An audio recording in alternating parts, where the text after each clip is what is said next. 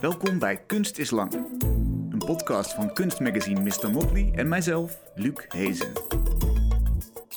Leuk dat je erbij bent. We zitten in geluidsstudio Stil in het voormalige Volkskrantgebouw in Amsterdam aan de Wieboudstraat. En tegenover me zit Suzanne Drummen. Ze maakte in de jaren 90 schilderijen waarin de weergave optisch werd vertekend. Bijvoorbeeld een raster van bollen waardoor de geschilderde werkelijkheid uit de laag eronder vervormd wordt weergegeven. Of op een andere schilderij een rood fluwelen barok versierd meubelstuk waar een semi-transparant gordijn overheen geschilderd is, zodat je nog iets van de achtergrond ziet, maar ook het geplooide gordijn met bloemenmotief. Maar vanaf de vroege jaren nul gaat het werk van Suzanne een andere kant op. Ze legt gekleurde materialen zoals glas, kristallen en andere glimmende objecten in duizelingwekkende symmetrische patronen. Ze zijn sindsdien uitgegroeid tot spectaculaire kleurtapijten, steeds ontworpen voor een specifieke plek of locatie. Soms liggen ze op de grond, soms lopen ze door op de wand of over een persoon heen. Cirkels, bloemvormen, golfpatronen in alle kleuren van de regenboog. De ene keer verbluffend mooi, maar soms ook in kleuren die net niet bij elkaar passen en dus keihard met elkaar vloeken. Suzanne, welkom. Dankjewel. Leuk dat je er bent. Laten we beginnen bij die ingenieuze schilderijen die je in de jaren negentig maakte, waar ik het net over had. Waarop je waarneming vervormd wordt. Wat streefde je toen na? Nou, ik, was, ehm, ik ben eigenlijk heel uh, erg opgeleid met analytisch kijken naar een schilderij en het, een, een, een concept ontwerpen ervoor. Ik zat op de Rijksacademie. Um, we hadden een fantastische tijd daar en ging toen naar Rome, uh, waar ik drie maanden op het Nederlands instituut was. En ik was zo onder de indruk van die prachtige kerken en uh, dat het beeld en de wereld zo vol was. En ik vond ineens mijn eigen werk en ook überhaupt de hedendaagse kunst op dat moment, ik heb het dan over 1990, ik vond alles zo mager. Ik, ik, ik vond, dan ging naar een tentoonstelling en dan zag ik bijvoorbeeld heel weinig kleur. Of uh, ik was eigenlijk al heel gauw uitgekeken.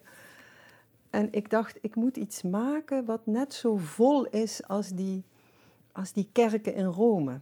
Wat natuurlijk heel lastig was, want ik wilde ook niet nostalgisch die kerken gaan namaken of zo. Of iets soortgelijk gaan maken. Maar ik, ik was daar wel heel erg naar op zoek. Van hoe kan je nou een beeld heel vol maken? En dat deed ik door heel veel lagen over elkaar heen te, te schilderen. En al die lagen die waren nog, um, ja, die lieten verschillende filters zien, verschillende werelden. Bijvoorbeeld een gordijn met daarachter een ruimte, met daarachter weer een andere ruimte en voor dat gordijn nog een ander vlies. En daar ook nog eens balletjes over, die ook nog eens doorzichtig leken. En dat was eigenlijk best wel een, um, ja, een feest voor het oog als ik ze nu terugzie, ja. denk ik. Ja, zeker. Je zit de hele tijd te kijken waar, welke lagen zijn er ja. allemaal, wat kan ik Ja. onderscheiden, hoe zit het nou precies? Je krijgt nergens grip op. Ja. Hele interessante werken eigenlijk. Mhm. Maar Ja, nog- ik, ik heb ook, als ik ze terugzie, dan denk ik van wauw, heb ik die gemaakt? Oh ja. Dat, eh, ik sta er nog steeds achter. Dit is voor mij ook net zo. Kijk, je hoort als kunstenaar een soort ontwikkeling door te maken. Dat doe ik natuurlijk ook.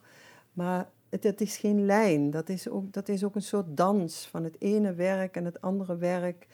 Ehm, soms komen ook werken uit die periode ineens terug of gebruik ik ze in een installatie. Hmm. Ehm, Ja, omwille is- van het narratief zeggen we dan, er is een, er is een overstap gemaakt. en Je bent Ja, maar dat, dat, zo, zo lineair is dat helemaal niet. Voor mijn gevoel niet, in ieder geval. Nee. En toch zou je kunnen zeggen, je, je bouwde werelden waarin je de kijker mee het schilderij introk. Mhm. Een diepte in, Ja. allerlei eh, imaginaire werelden in. Mhm. En met de werken die je nu maakt, kom je eigenlijk het frame uit. Stap je, stap je de werkelijkheid in. Nou, ik wil nu eigenlijk ook dat de, ik wil nu eigenlijk ook de toeschouwer in mijn wereld trekken. Dus eh, nu is het misschien een ruimte waar die, waar die binnenkomt. Dus eerst was het het platte vlak, maar nu is het een kamer of een, eh, ja, een plek waar die zichzelf ook nog eens in beweegt. Dus eigenlijk, voor mijn gevoel, is het niet zo heel anders als in de schilderijen. Hmm. Voelt het voor jou niet als overstap? Je zei net al, het, het is een soort van universum ja, waar, waar een linkerhoek en een rechterhoek Nou, het is zit ook, het is ook eh, je, je zei in de inleiding zo van, eerst deed ik dat en nu doe ik dit. Maar er zit nog een hele periode tussen waarin ik heel veel opdrachten in de openbare ruimte maakte. En dat was altijd heel site-specific. Dus bijvoorbeeld, eh, dan had je een schoolgebouw en dan maakte ik daar een, een raam of een wandschildering. En ehm, voor mij is dat werk wat ik nu maak met veel ehm, glimmende materialen die op de vloer liggen, dat komt heel erg voort uit juist die uh, opdracht in de openbare ruimte, omdat ik daar ehm, met glas werkte en me ook heel erg bewust wordt, werd van hoe je als bezoeker een ruimte binnengaat en wat je dan allemaal meemaakt. En ik probeer eigenlijk met zo'n tentoonstelling die ik tegenwoordig maak, waarin dus zo'n vloertapijt ligt, juist de, de, een beetje de regie te voeren over hoe de bezoeker daarin binnenloopt. En dat heeft heel erg te maken met hoe dat bij die opdrachten ook het geval was. Want daar heb je gewoon een duidelijke functie in de openbare ruimte. Dat is één plek waar kunst moet komen. Ja, en bovendien uh, komt het er ook letterlijk uit voort. Want um, ik heb veel uh, werken in glas gemaakt. En dan kwam ik bij zo'n, um, ja, zoals het dan gaat, dan doe je een soort onderzoek en dan ga je naar zo'n glasfabriek en uh, dan ga je kijken welke, welk glas er allemaal is en wat voor kleuren en wat voor materialen. En ik was dan altijd te vinden bij de glascontainers van zo'n fabriek. En daar haalde ik altijd heel veel materiaal uit. Dus het was een soort zoektocht naar... Uh, ik kon dat gewoon niet laten. Dan was ik bij zo'n fabriek en ging ik, naar, ging naar huis met allemaal kratjes in mijn auto met allemaal stukjes gekleurd glas. Waar ik eigenlijk nooit een plan voor had, maar ik vond ze zo mooi. Ik kon ze niet ik kon ze niet weerstaan. als een soort extra zat jij daar bij de glasbak. Ja, en dat is wel, ja, dat is wel dat als iets glimt, dan heeft, het, dan heeft het gewoon een hele grote aantrekkingskracht op me. Ik weet niet, iedereen heeft wel eens zo'n, je hebt jij vast ook wel eens gedaan, zo'n chocolade-eitje waar zo'n cellofaantje omheen zit. Mhm. Zo'n zilverpapiertje en dan ga je dat zo met je vingers glad strijken op tafelblad. Hè? Dat, dat heeft iedereen wel eens gedaan. Maar ik heb al die zilverpapiertjes nog. Snap je? Ik kan ze gewoon niet weggooien omdat ik ze zo mooi vind. Nou, Ik heb ze niet allemaal nog, maar ik heb er heel veel nog. Ja. Gewoon als een soort schat, maar ook omdat ik het zo moeilijk vind om iets wat zo mooi is, zo'n klein noot, om dat weg te gooien. En zo zijn eigenlijk die vloerinstallaties ontstaan. Snap je? Dus ik was op atelier en daar had ik allemaal dat glimmende spul zonder dat ik daar een... Um, ik had daar geen, geen ik had daar geen plan voor. Ik, ik wilde het gewoon hebben. Snap je? Zoals andere mensen misschien mooie schoenen sparen of uh, tasjes of uh, schelpen. Zo, zo. Wanneer heb je het voor het eerst neergelegd in die symmetrische patronen? Ja, dat was eigenlijk um, dat was een keer in, uh, bij een tentoonstelling bij Galerie Gist, was dat toen nog in Brummen. En dat was een tentoonstelling met tien schilders. En iedereen had dacht van, oh, het is een groepstentoonstelling, dus iedereen had een vrij klein schilderij meegenomen. En um, die galeriehouder, die, die had zoiets van, ja, het lijken wel postzegeltjes aan de muur en we hebben hier een hele grote vloer in het midden en daar moet iets. Hmm. En uh, ja, we moeten nog een beeldhouwer erbij vragen. Of, er was even een panieksituatie. En de dag daarna was de opening. En toen zei ik echt heel impulsief van, ja, ik kan mijn glasverzameling hier wel neerleggen. Eindelijk had je een plek. En uh, ja, ja, doe maar. Weet je, zo eigenlijk heel impulsief ontstond dat. En um, ja, heel gek, maar ik had die spullen dus in mijn atelier. En in mijn atelier had ik daar zo al wel, wel eens zo wat patronen mee neergelegd. Maar door het nou in een galerie te doen, werd het ineens iets. Snap je? Toen mm. werd het ineens een ding. Um, maar nou lijkt het alsof dat de enige reden was waarom ik ermee begon. Er waren ook nog andere redenen. Ik was in die tijd. Er is trouwens nooit maar één reden. Het is altijd een complexe samenloop van allerlei omstandigheden en allerlei um, ja, overwegingen en, en, en intuïtieve ingevingen. En um, een ander ding was dat um, mijn zus gestorven was. En zij was tien jaar ouder dan ik. En ik had heel erg uh, ging daardoor heel erg nadenken over mijn eigen leven. Zo van, goh, ik, ging natuurlijk, ik was heel verdrietig dat zij stierf, dat in eerste plaats. Maar uh, voor mij was het, voor mij persoonlijk was het ook life-changing, omdat ik me ineens ging realiseren hoe eindig het leven is. En ik dacht, als ik zelf nog maar tien jaar te leven heb, hè, zij was tien jaar ouder, dan moet ik wel heel erg gaan doen wat ik echt wil. Dan moet ik het leven nog meer omarmen. Dan moet ik nog, ik, misschien zelfs voor haar meeleven. Hmm. Dus snap je? Dus, dus extra leven omdat zij er niet was. En toen dacht ik, dan moet ik echt doen wat ik heel leuk vind om te doen. En um, ja, zoals een kind kan, kan spelen op het strand en een zandkasteel kan maken met glimmende schelpjes. Ehm, zo vond ik het echt heel erg leuk om met die steentjes te spelen. Maar ik had daar op dat moment helemaal geen artistiek idee bij of, of concept. Of, uh, dat kwam echt heel erg vanuit mezelf. Een ander aspect wat ook um, speelde in die tijd, was dat ik opdrachten in de openbare ruimte deed en dat duurde vaak heel lang. Dus dan had ik, maakte ik een schetsontwerp en dan drie maanden daarna uh, gingen ze het gebouw, gingen ze beginnen met de bouw van het gebouw en dan weer een half jaar later ging je eens kijken op de locatie en dan nog weer twee jaar later kon je eigenlijk je ontwerp uh, pas zien. Hmm. Snap je? Dan werd het pas echt uitgevoerd.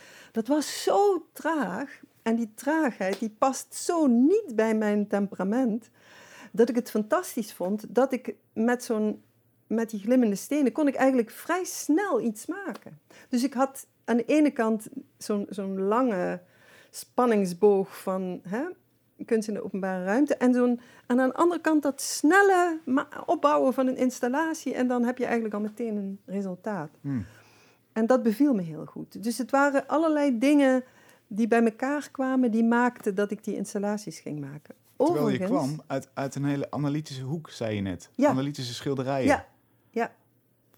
Dan maak je zo'n uh, life-changing event mee, zoals je net zei. je, je zus overlijdt.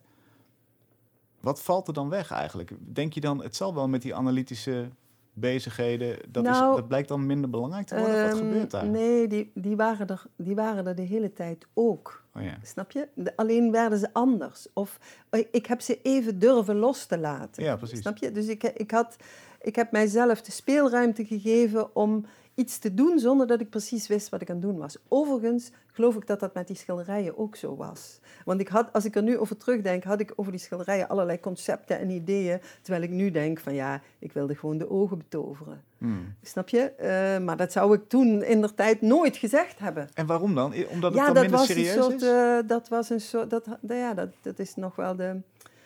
de, de ik, ik had toen nog heel erg een systeem in mijn hoofd uh, van hoe ik dacht dat kunst moest zijn. Namelijk? Namelijk dat je het heel goed moet kunnen uitleggen en dat je er een goed verhaal bij moet hebben. En ik had voor die vloerinstallaties geen goed verhaal. Dus snap je? Dat was, een, dat was, dat was best een beetje, dat was best eng. Ja. Uh, Alleen op de schoonheid vertrouwen of op, of op ja, oh, ja, en, oh, ja en, en, dat, en dat gewoon aangaan. Dat, de, zeg maar ik had ook heel erg de behoefte om het leven te vieren. In plaats van het leven te analyseren. Oh ja. Uh, en dat, nou ja, dat, daar ben ik eigenlijk sindsdien trouw gebleven. Snap je? Dus, ja. um, wat niet wegneemt dat ik er niet over nadenk. Natuurlijk denk ik erover na. Natuurlijk kan ik er heel veel verhalen over vertellen. En ik kan, er van, kan het vanaf heel veel kanten aanvliegen. Mm -hmm. Maar het is nooit één kant of het is nooit één verhaal anders dan de schilderijen. Anders dan de schilderijen, daar was het meer één verhaal. Tenminste, zoals ik er destijds over sprak. Snap je? Dus met terugwerkende kracht zie ik dat daar ook veel meer aan de hand is. Ja. Wanneer ben je dat los gaan laten? Dat je dacht, nou ja, die, die werken die ik nu maak, die hoeven niet dat ene verhaal te hebben. Nou, dat, eh, wat ik zei, dat had echt wel te maken met het overlijden van mijn zus. Toen al wel? Dat ik, ja, dat ik ook echt... Um, dat ik ook dacht van, ja, misschien is dat in de kunstwereld, mag dat misschien niet. Maar nou, dan maar niet in de kunstwereld. Snap je? Het was echt een besluit van, als, als, als ik dit niet mag doen, dan, uh, dan doe ik het gewoon stiekem voor mezelf. En dan niet voor, de, niet voor het echi, zeg maar. Denk je inmiddels dat dat ook een statement is geworden, door het toch te blijven doen in die kunstwereld? Voelt het als een statement? Het voelt niet als een statement. Het voelt als het bloed kruipt waar het niet gaan kan. Mhm. Snap je? Zo van, ik doe het gewoon. En ik moet zeggen, nu, zeg maar, uh, uh, krijg ik er veel waardering voor. Maar dat was in het begin niet zo. Dus in, zeg, en heb ik het over 2003 of zo, toen ik dat voor het eerst deed, dat soort installaties maken, daar werd best wel, ja, was best wel stil rondom mij toen. Snap je? Terwijl ik met die schilderijen wel hoge ogen... Uh, ja, met die schilderijen had ik, had ik veel succes. Ja. Uh, Wat hoorde je van de mensen van wie je wel iets hoorde? Nou, dat het vooral heel mooi was of dat het te esthetisch was.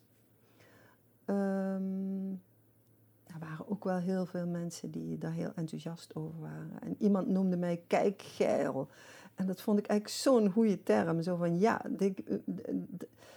het kijken. Ik hou, ik geloof dat ik wel verslaafd ben aan kijken. Dat, is, ja, jeetje. Wauw, de wereld is zo bijzonder, de wereld is zo mooi. En um, ja, het heeft ook, ik weet niet, ik heb, toen ik twaalf was, zag ik voor het eerst de zee. En ik weet nog dat ik zo helemaal zo wegblazen werd. Zo van wow. Achteraf, ik bedoel, het is jammer natuurlijk dat ik niet als klein kind ooit bij de zee was. Maar aan de andere kant gaf mij dat wel de ervaring op mijn twaalfde dat ik hem voor het eerst zag. Ik vond het zo fantastisch, iets te zien wat zo groot is en zo overweldigend is. En eigenlijk stiekem hoop ik dat mijn werk ooit zo kan zijn. Of hoop ik dat ik ooit bij iemand zo'n zo'n overweldigende visuele ervaring kan oproepen dat is heel ijdel om dat te denken dat me dat ooit zou kunnen lukken, maar dat, dat is wel iets waar ik naar verlang. Kun je eens omschrijven hoe je dat probeert? Want zo net vertelde je al, ik hoop eigenlijk een soort ja, route, dat de, mhm. bezoeker een route aflegt. Hè? Dat hoop ik een beetje af te dwingen of te ja, sturen. Nou, ik, ik probeer het zo, um, zeg maar zo'n, als ik zo'n installatie maak, die probeer ik heel aantrekkelijk te maken. Zeg maar dat je maar ook heel complex. Dat er verschillende patronen over, bijvoorbeeld in het Paleis op de Dam uh, had ik van de zomer een tentoonstelling en daarbij heb ik een werk gemaakt um, in, een, in, een, uh, in de kamer van Willem-Alexander, de werkkamer van hem, en daar lag een bont tapijt. Uh, en daar stonden allemaal meubels en dat, um, ja, dat was echt een donkere, stoffige ruimte.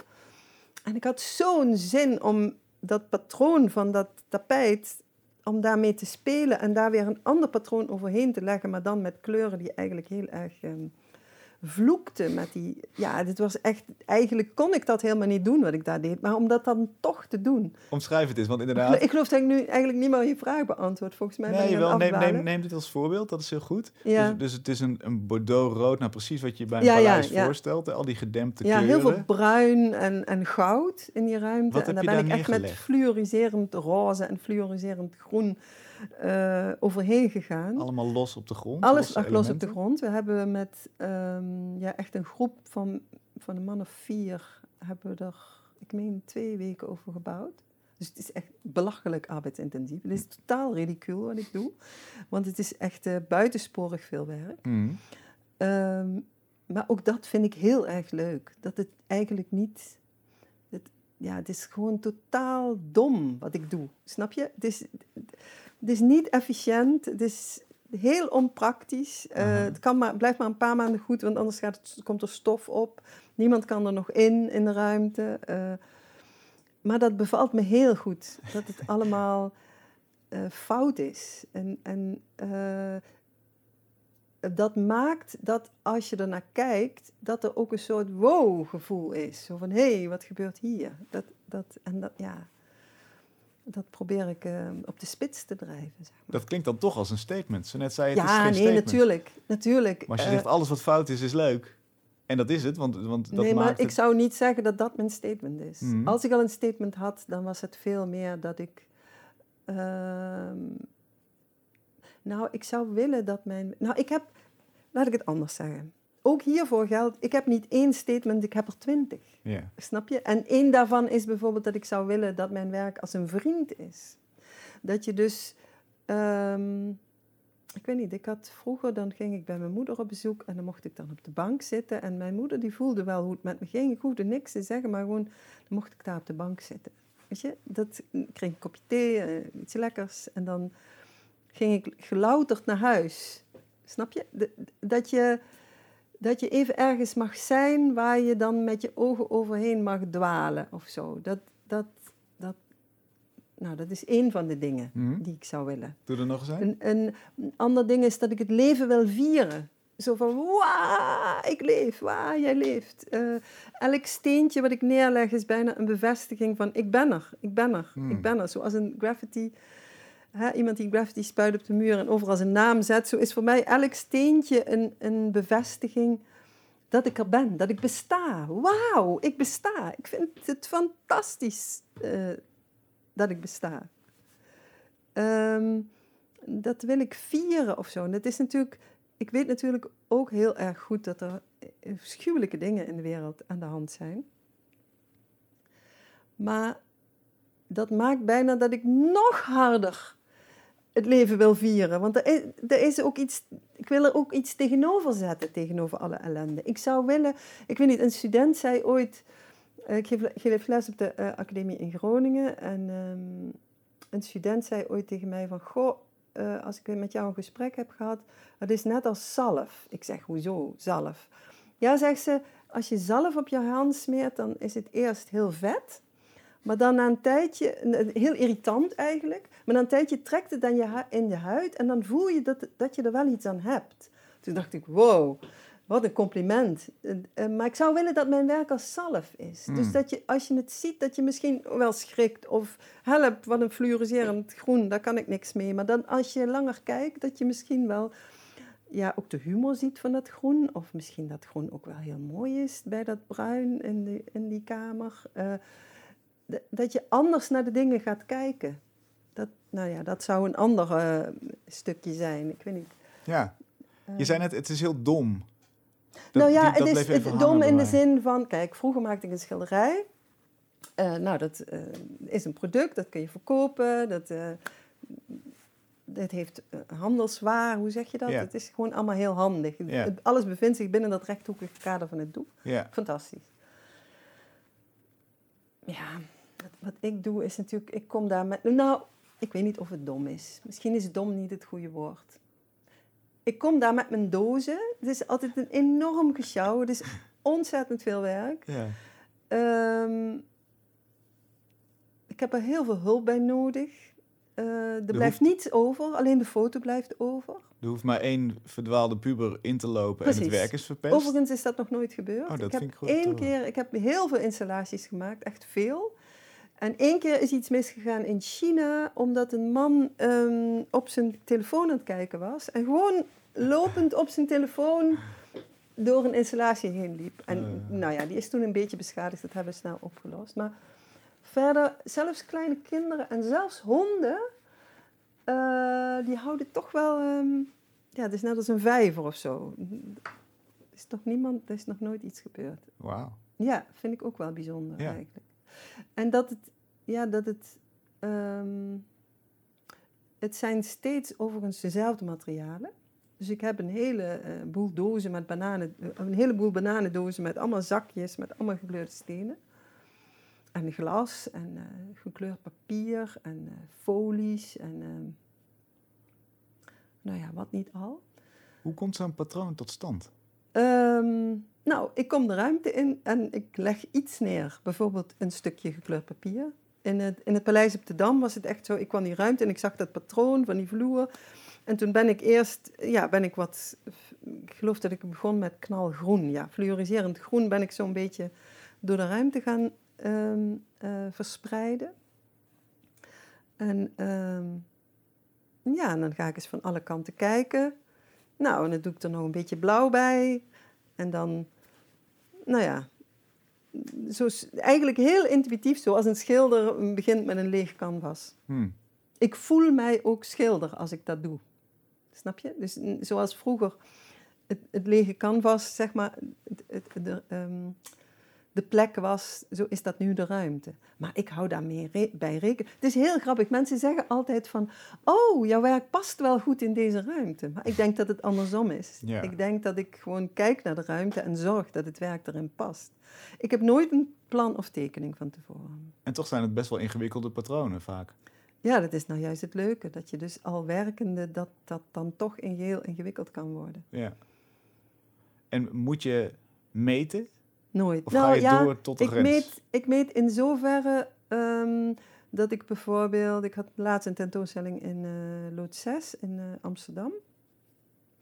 En toen heb ik een werk gemaakt tussen twee zuilen in. En dan begin ik wel met het middenpunt van die twee zuilen meten. Mm -hmm. En daar heb ik een stipje op de wand, op de vloer geplakt. En ik heb ook een touwtje gespannen vanuit dat stipje en een soort cirkel gemaakt. En daar ook wat stipjes gezet, een soort aanknopingspunten, zeg maar. Maar dat is het enige wat ik meet. Daarna meet ik nooit meer. En zitten er onregelmatigheden in? Nou, dat probeer ik niet, maar dat, Bijna komt, niet, dat is altijd gebeurd dat dan toch. Ja. Maar die zijn niet noemenswaardig. En die mogen niet zichtbaar zijn, denk ik. Die mogen niet afbreuk doen aan Nee, die precies. Ik wil, als ik een patroon in mijn hoofd, als ik, ah, ah, zeg maar dat patroon dat groeit dus. Bijvoorbeeld in de bagagehal eh, in Lood 6 had ik in het midden hele felle kleuren en dat was met de fel. En dan, nou, dan ga ik, daarna kies ik dan wat donkerdere kleuren, zodat dat, zodat dat dan gaat vloeken met dat middenstuk.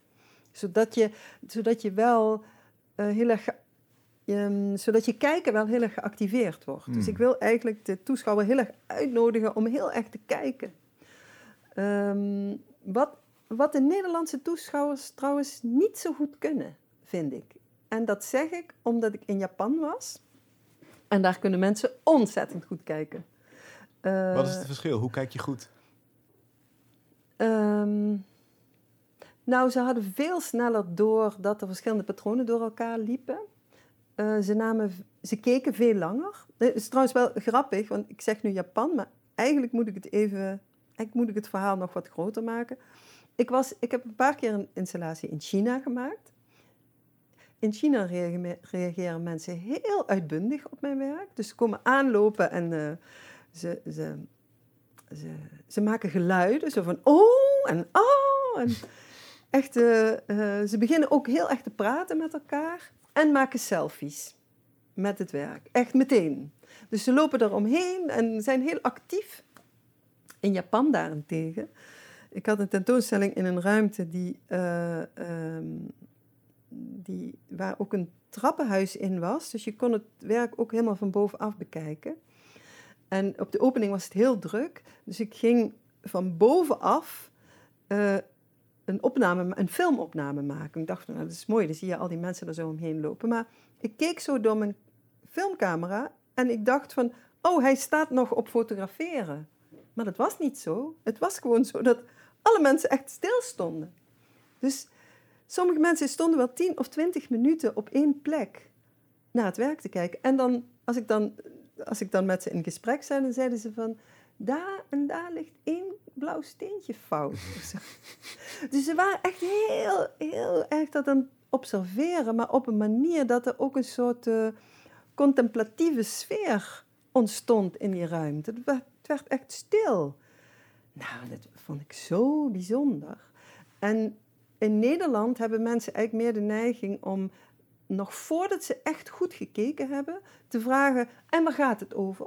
Hmm. Of eh, wat is jouw thema? Of, dus ze ze zoeken een talige manier om het te bevatten, want ze snappen het eigenlijk niet. Ze denken: oh, dat is alleen maar mooi.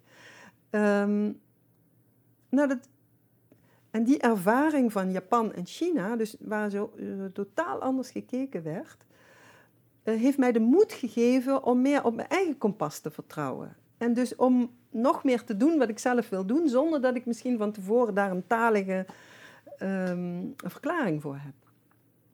En als ze, als ze dan toch met een pistool op je hoofd staan en Ja. vragen om die talige verklaring, wat, wat geef je ze dan?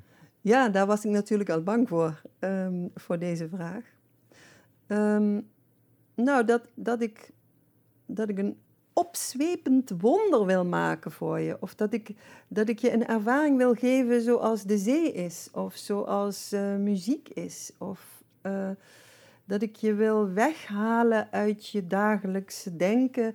om misschien op een andere manier te denken. Of op een andere manier te kijken. Ehm, maar ja, ik denk niet dat dat. Ik wil, ook, ik wil iets maken wat, wat troostvol is. Of misschien ben ik wel bezig met een nieuw, ritue- rit- ehm, een nieuw ritueel. Wat. wat ehm, ik weet niet, ik, ik, ben, ik kom uit een katholiek nest. En ik weet dat als ik dan vroeger, dan ging, ging je naar de kerk en dan... Ik vond het zo mooi allemaal. Ik eh, heb daar heel erg van genoten. Hè? De Dat staat nu, die ceremonie, dat staat nu heel veel van me, van me af. Ook zo'n koor en kerkramen. En je doet je zondagse kleren aan. En, ehm, of het dekken van de tafel. Of, het zijn allemaal dingen die je met z'n allen doet. En die dat, dat gezamenlijke of zo, dat, dat verbindt en dat maakt iets, ehm, ja, dat maakt iets fijn. En dat hebben we helemaal niet meer. Dat hebben we natuurlijk, eh, als ik naar een concert ga, kan ik dat ook ervaren trouwens. Mm. Ehm, maar ja, ik wil dat op een beeldende manier. Ik ben, ik ben iemand van beeld, dus ik ben een maker van iets visueels. Dus ik wil onderzoeken of ik dat op een visuele manier kan.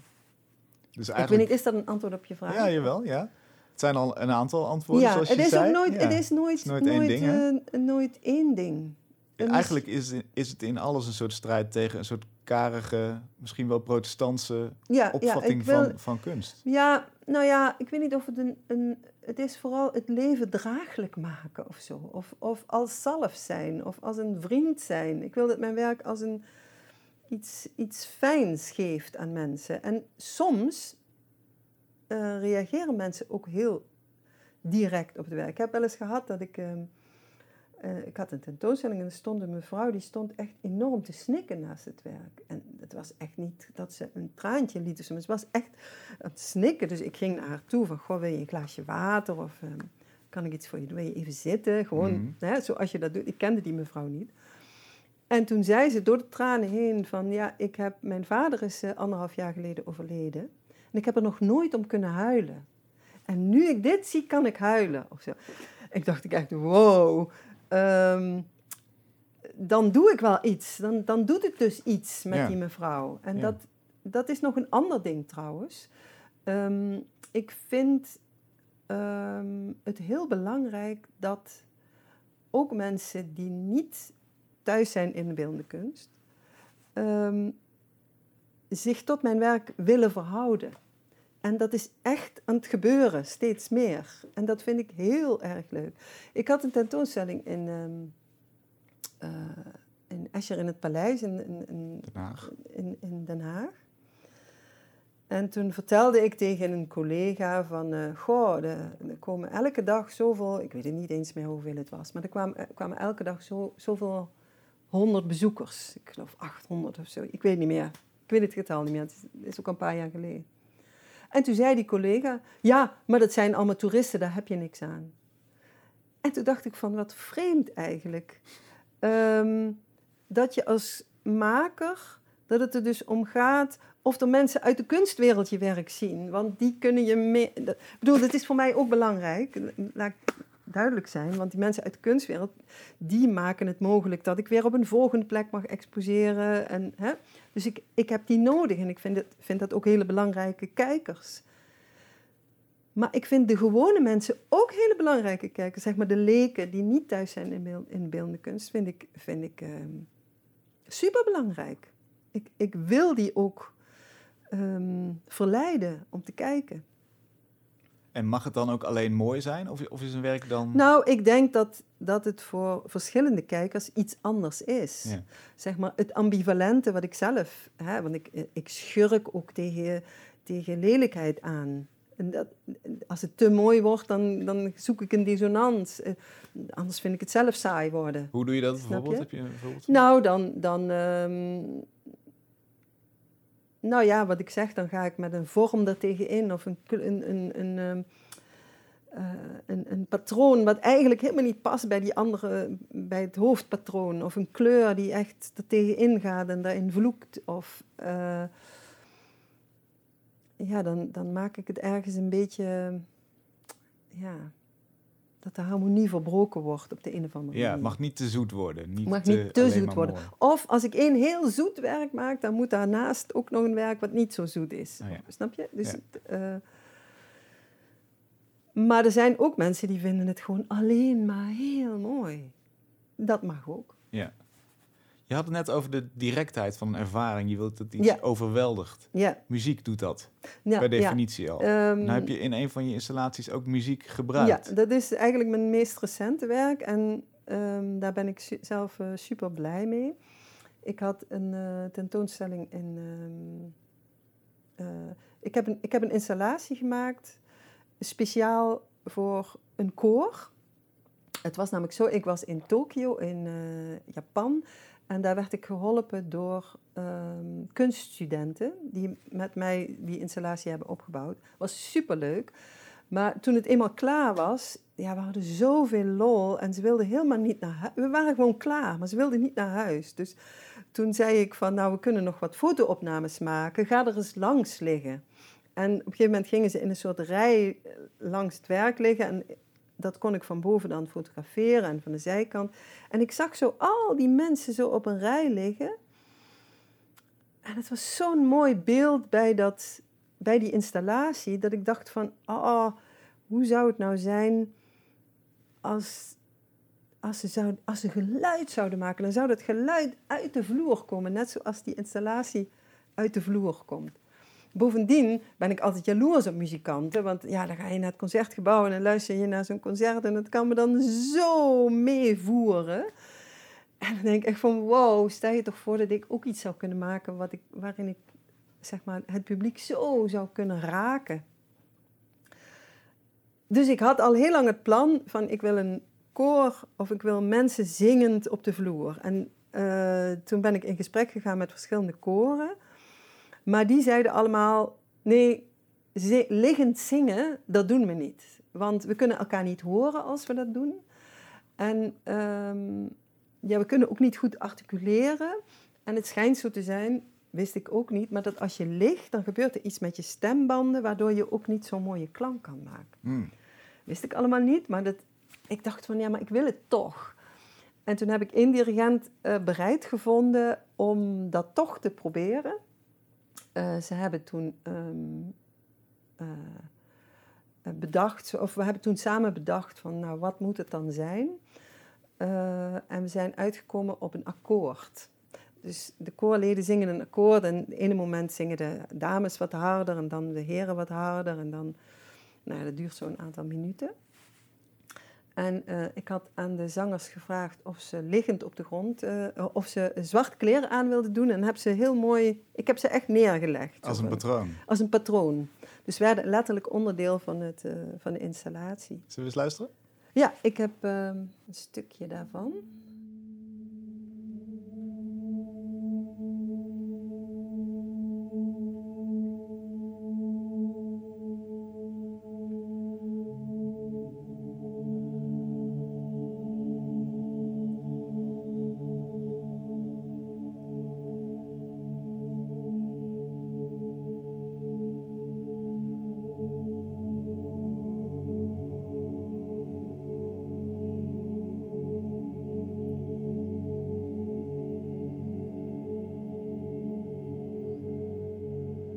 Dat ging zo nog een tijdje door. Um, en wat heel bijzonder was, wat ik niet voorzien had van tevoren. Ik had alleen maar de impulsieve wens, ik wil dat het koor ligt en zingt. Hmm. En die had ik al heel lang, die wens. En ik was dus heel blij dat we dat gingen uitproberen, maar waar ik helemaal geen rekening mee had gehouden. Um, het, ik, het, was trouwens de bedoeling om dat op de opening te doen, maar dat mocht niet vanwege uh, COVID. Dus ik mocht geen publiek erbij hebben. Um,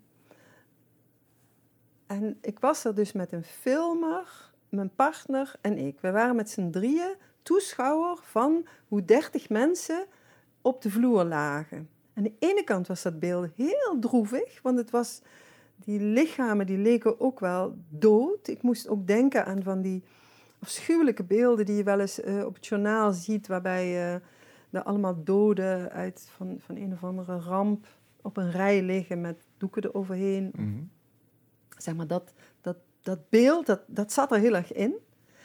En tegelijkertijd was het zo vitaal, die klank in die ruimte. Dat was zo'n overweldigend iets. Het was bijna... Het was gewoon te... Zeg maar, dat visuele beeld en dat harde, prachtige geluid... Dat was te veel voor ons drieën. Snap je? Dus de, de, de, verhouding was zoek. Het, het voelde bijna als een natuurgeweld. Snap je? Als een, als een orkaan of als een lawine of zo. Het is heel intens. Het was heel intens en heel vitaal. En tegelijkertijd was er die associatie met dode lichamen. Dus het leek heel erg over leven en dood te gaan. Terwijl dat zijn nooit dingen waarvan ik dacht van daar moet mijn werk over gaan of zoiets. Mm. Ehm, dat, Het is heel gewijd ook. Het doet me ook meteen aan, Ja. aan een kerkdienst denken. ja, maar een, het, het leek wel een soort nieuw ritueel of zo. Of, of, eh, en ik, eh, het is nog heel vers eigenlijk. Dit werk heb ik echt eh, vorige maand gemaakt. Dus, dus ehm, ik weet nog niet hoe ik hier nu mee verder ga. Maar ik ga hiermee verder, want het was te bijzonder. Twee eh, natuurkrachten die bij elkaar komen. Ja, dat ja en ook dat, ja, maar ook het, het, het ex- de, de, de tegenstelling tussen het, tussen, ja, het leek echt over dood en leven te gaan. Terwijl, ja, dat zou ik nooit als thema aanvliegen of zo, want dat vind ik veel te groot. Ja. Ehm, En, en toch zou je kunnen zeggen dat er eh, ook in ander werk waar je mee bezig bent, want je bent namelijk ook nog met klei bezig, Ja. met gewone beige klei, niks Ja. glinsterends, niks alle Ja. kleuren van de regenboog, gewoon saaie klei. Kleine sliertjes die je over mensen heen drapeert, zodat ze bijna op een gewelddadige manier ook weer overdonderd worden. Ja. Dus de veelheid en het overdonderen, ja, wat soms ook het gruwelijke Ja. eh, eh, opzoekt. ja, maar daar, daar, speel ik dus altijd. En dat is trouwens wel grappig dat je dat over die klei zegt. Ik heb vorig jaar ehm, drie maanden gewerkt op het EKWC in ehm, Oosterwijk, keramisch werkcentrum. En daar heb je de fantastische ovens en glazuren en weet ik wat allemaal. Maar ik, het, het, omdat ik met mijn normale installaties steeds de ma- materialen hergebruik, ging het zo tegen mijn morele kompas in om dingen te maken en dan in die oven te maken. En die oven die gebruikt dan heel veel energie. En ik, ik dacht van, nee, ik wil gewoon alleen maar met die klei spelen. Ehm, dus ik heb mijzelf vrijgepleit door 150 kilo klei steeds te hergebruiken. En ze hebben daar een ehm, fantastische machine. Eh, een soort, het heet extruder, maar het is eigenlijk een soort, eh, sta je voor een, een reuze spaghetti machine. Mm. Je doet er klei in aan de ene kant en aan de andere kant komen er sliertjes klei uit. En met die sliertjes klei heb ik heel veel geëxperimenteerd en heel veel films gemaakt. En één film heb ik nu laten zien. En ehm, daarbij heb ik eh, twee mensen eerst helemaal bedekt met klei, slierten. En dat zag er zo droevig uit. Toen zei ik, nou, breek je nou eens uit die klei en terwijl je dat doet, moet je zingen. En vanuit, van onder die slierte klei hoorde ik ze roepen van... we kunnen nu niet zingen. dat gaat helemaal niet. Eh, eh, krijg geen adem meer. En zo. Ik zeg, nee, dit is te dramatisch. Je moet zingen. En ze konden allebei ook nog toevallig heel mooi zingen. Of niet toevallig, maar ik wist dat ze heel mooi konden zingen. Dus, ehm, nou ja, daar heb ik een film mee gemaakt. En dat, daarin zit voor mij ook inderdaad dat, dat, dat dubbele. Van aan de ene kant heel dramatisch om zo onder 150 kilo eh slier te klei te zitten. En tegelijkertijd wel nog een mooie klank maken. Mm. Maar ook daarvoor geldt dat, dat er muziek eh, in komt. Er komt muziek in mijn werk, denk ik. Maar wat ik interessant vind is dat we begonnen de uitzending met de veelheid van een Italiaanse kerk. Ja. Op een positieve manier, overdonderend, inspirerend. Dit neigt naar een veelheid die te veel wordt, die een last wordt. Sliertjes die Ja, 150 misschien is kilo het- klei en sliertjes Ja. op je, Ja, waarbij je niet meer kan zingen. ja. Dat heeft niet zoveel meer te maken met de, de positieve associatie van zo'n volle daarom, kerk. daarom ehm, heb ik dat filmpje ook achterstevoren gedraaid, waardoor het ook heel grappig wordt, vind ik zelf. Hmm. Of tenminste, ik hoop dat het, dat het, neigt, dat het meer neigt naar grap, naar, naar, naar humor dan naar drama. Dus dan zien we ze zichzelf inpakken Ja, eigenlijk. hè? ja, ja. Om het luchtiger te maken. Ja, om het luchtiger te maken. Of zo heb ik bijvoorbeeld ook mensen eh, met slierte be- omkleed, maar er dan allemaal glimmende steentjes nog weer inge- ingeduwd. De, eh, Maar, maar wat is toch die fascinatie met die veelheid? Van ja, weet, weet je dat? Weet je waarom het zoveel moet zijn? Waarom niet 10 kilo klei, maar 150? Ehm, nou, ik weet, ook daar kan ik niet één ding op zeggen. Ik kan wel een aantal dingen zeggen. Mhm. Eén ding is mijn temperament. Ehm, ik heb ongelooflijk veel energie. Eh, niet omdat ik zelf nou zoveel energie heb, maar als ik me met anderen vergelijk, dan... Ik heb weinig slaap nodig en ik wil eigenlijk altijd maken. Hm? Ehm, ja, voor mij is veel is vitaal. Ehm, ik zou eigenlijk nog veel meer willen. Dus eh dat is eigenlijk geen antwoord op je vraag. Hè? Stel je vraag Weet nog ik eens. niet. Meer is beter, is, zou een antwoord kunnen zijn. Maar waarom is dat dan nou, zo? ik, ver, ik, ver, ik, ik, ehm, ik wil mezelf niet ver- vervelen, maar ik wil ook heel genereus zijn naar de kijker. Ik wil echt... ehm, ik wil je niet alleen een taart geven, maar ik wil je ook nog soep geven en ook nog een kersen op die taart en ook nog chocola en ook nog, weet je wel, en, nog, en je nog masseren en nog, ehm, ik wil alles. Ik wil je alles geven. Het is zoiets als, ehm, ik, ik, mijn atelier is op het KNSM-eiland en dan kijk ik altijd zo uit over het ei en dan zie ik zo vaak, zie ik daar regenbogen.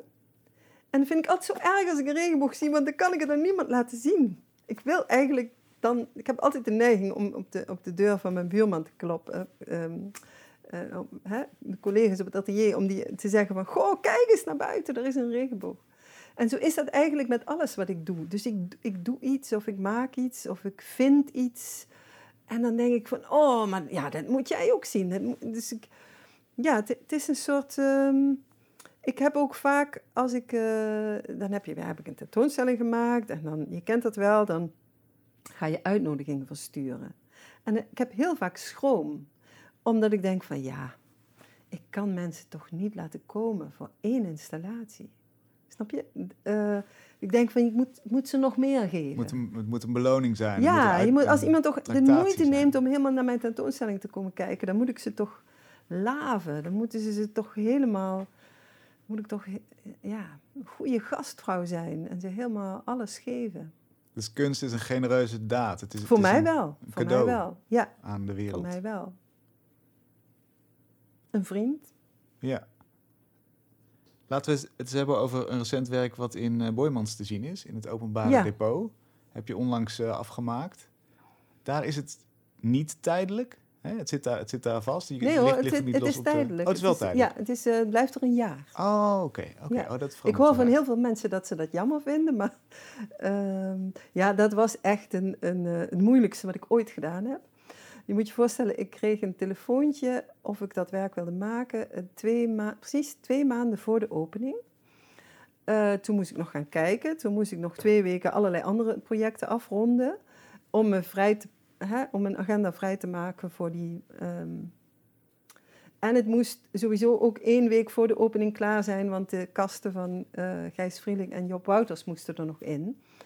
Eh, en dat, daar was ook een week voor gepland. Dus ik had echt heel weinig tijd om het op te bouwen.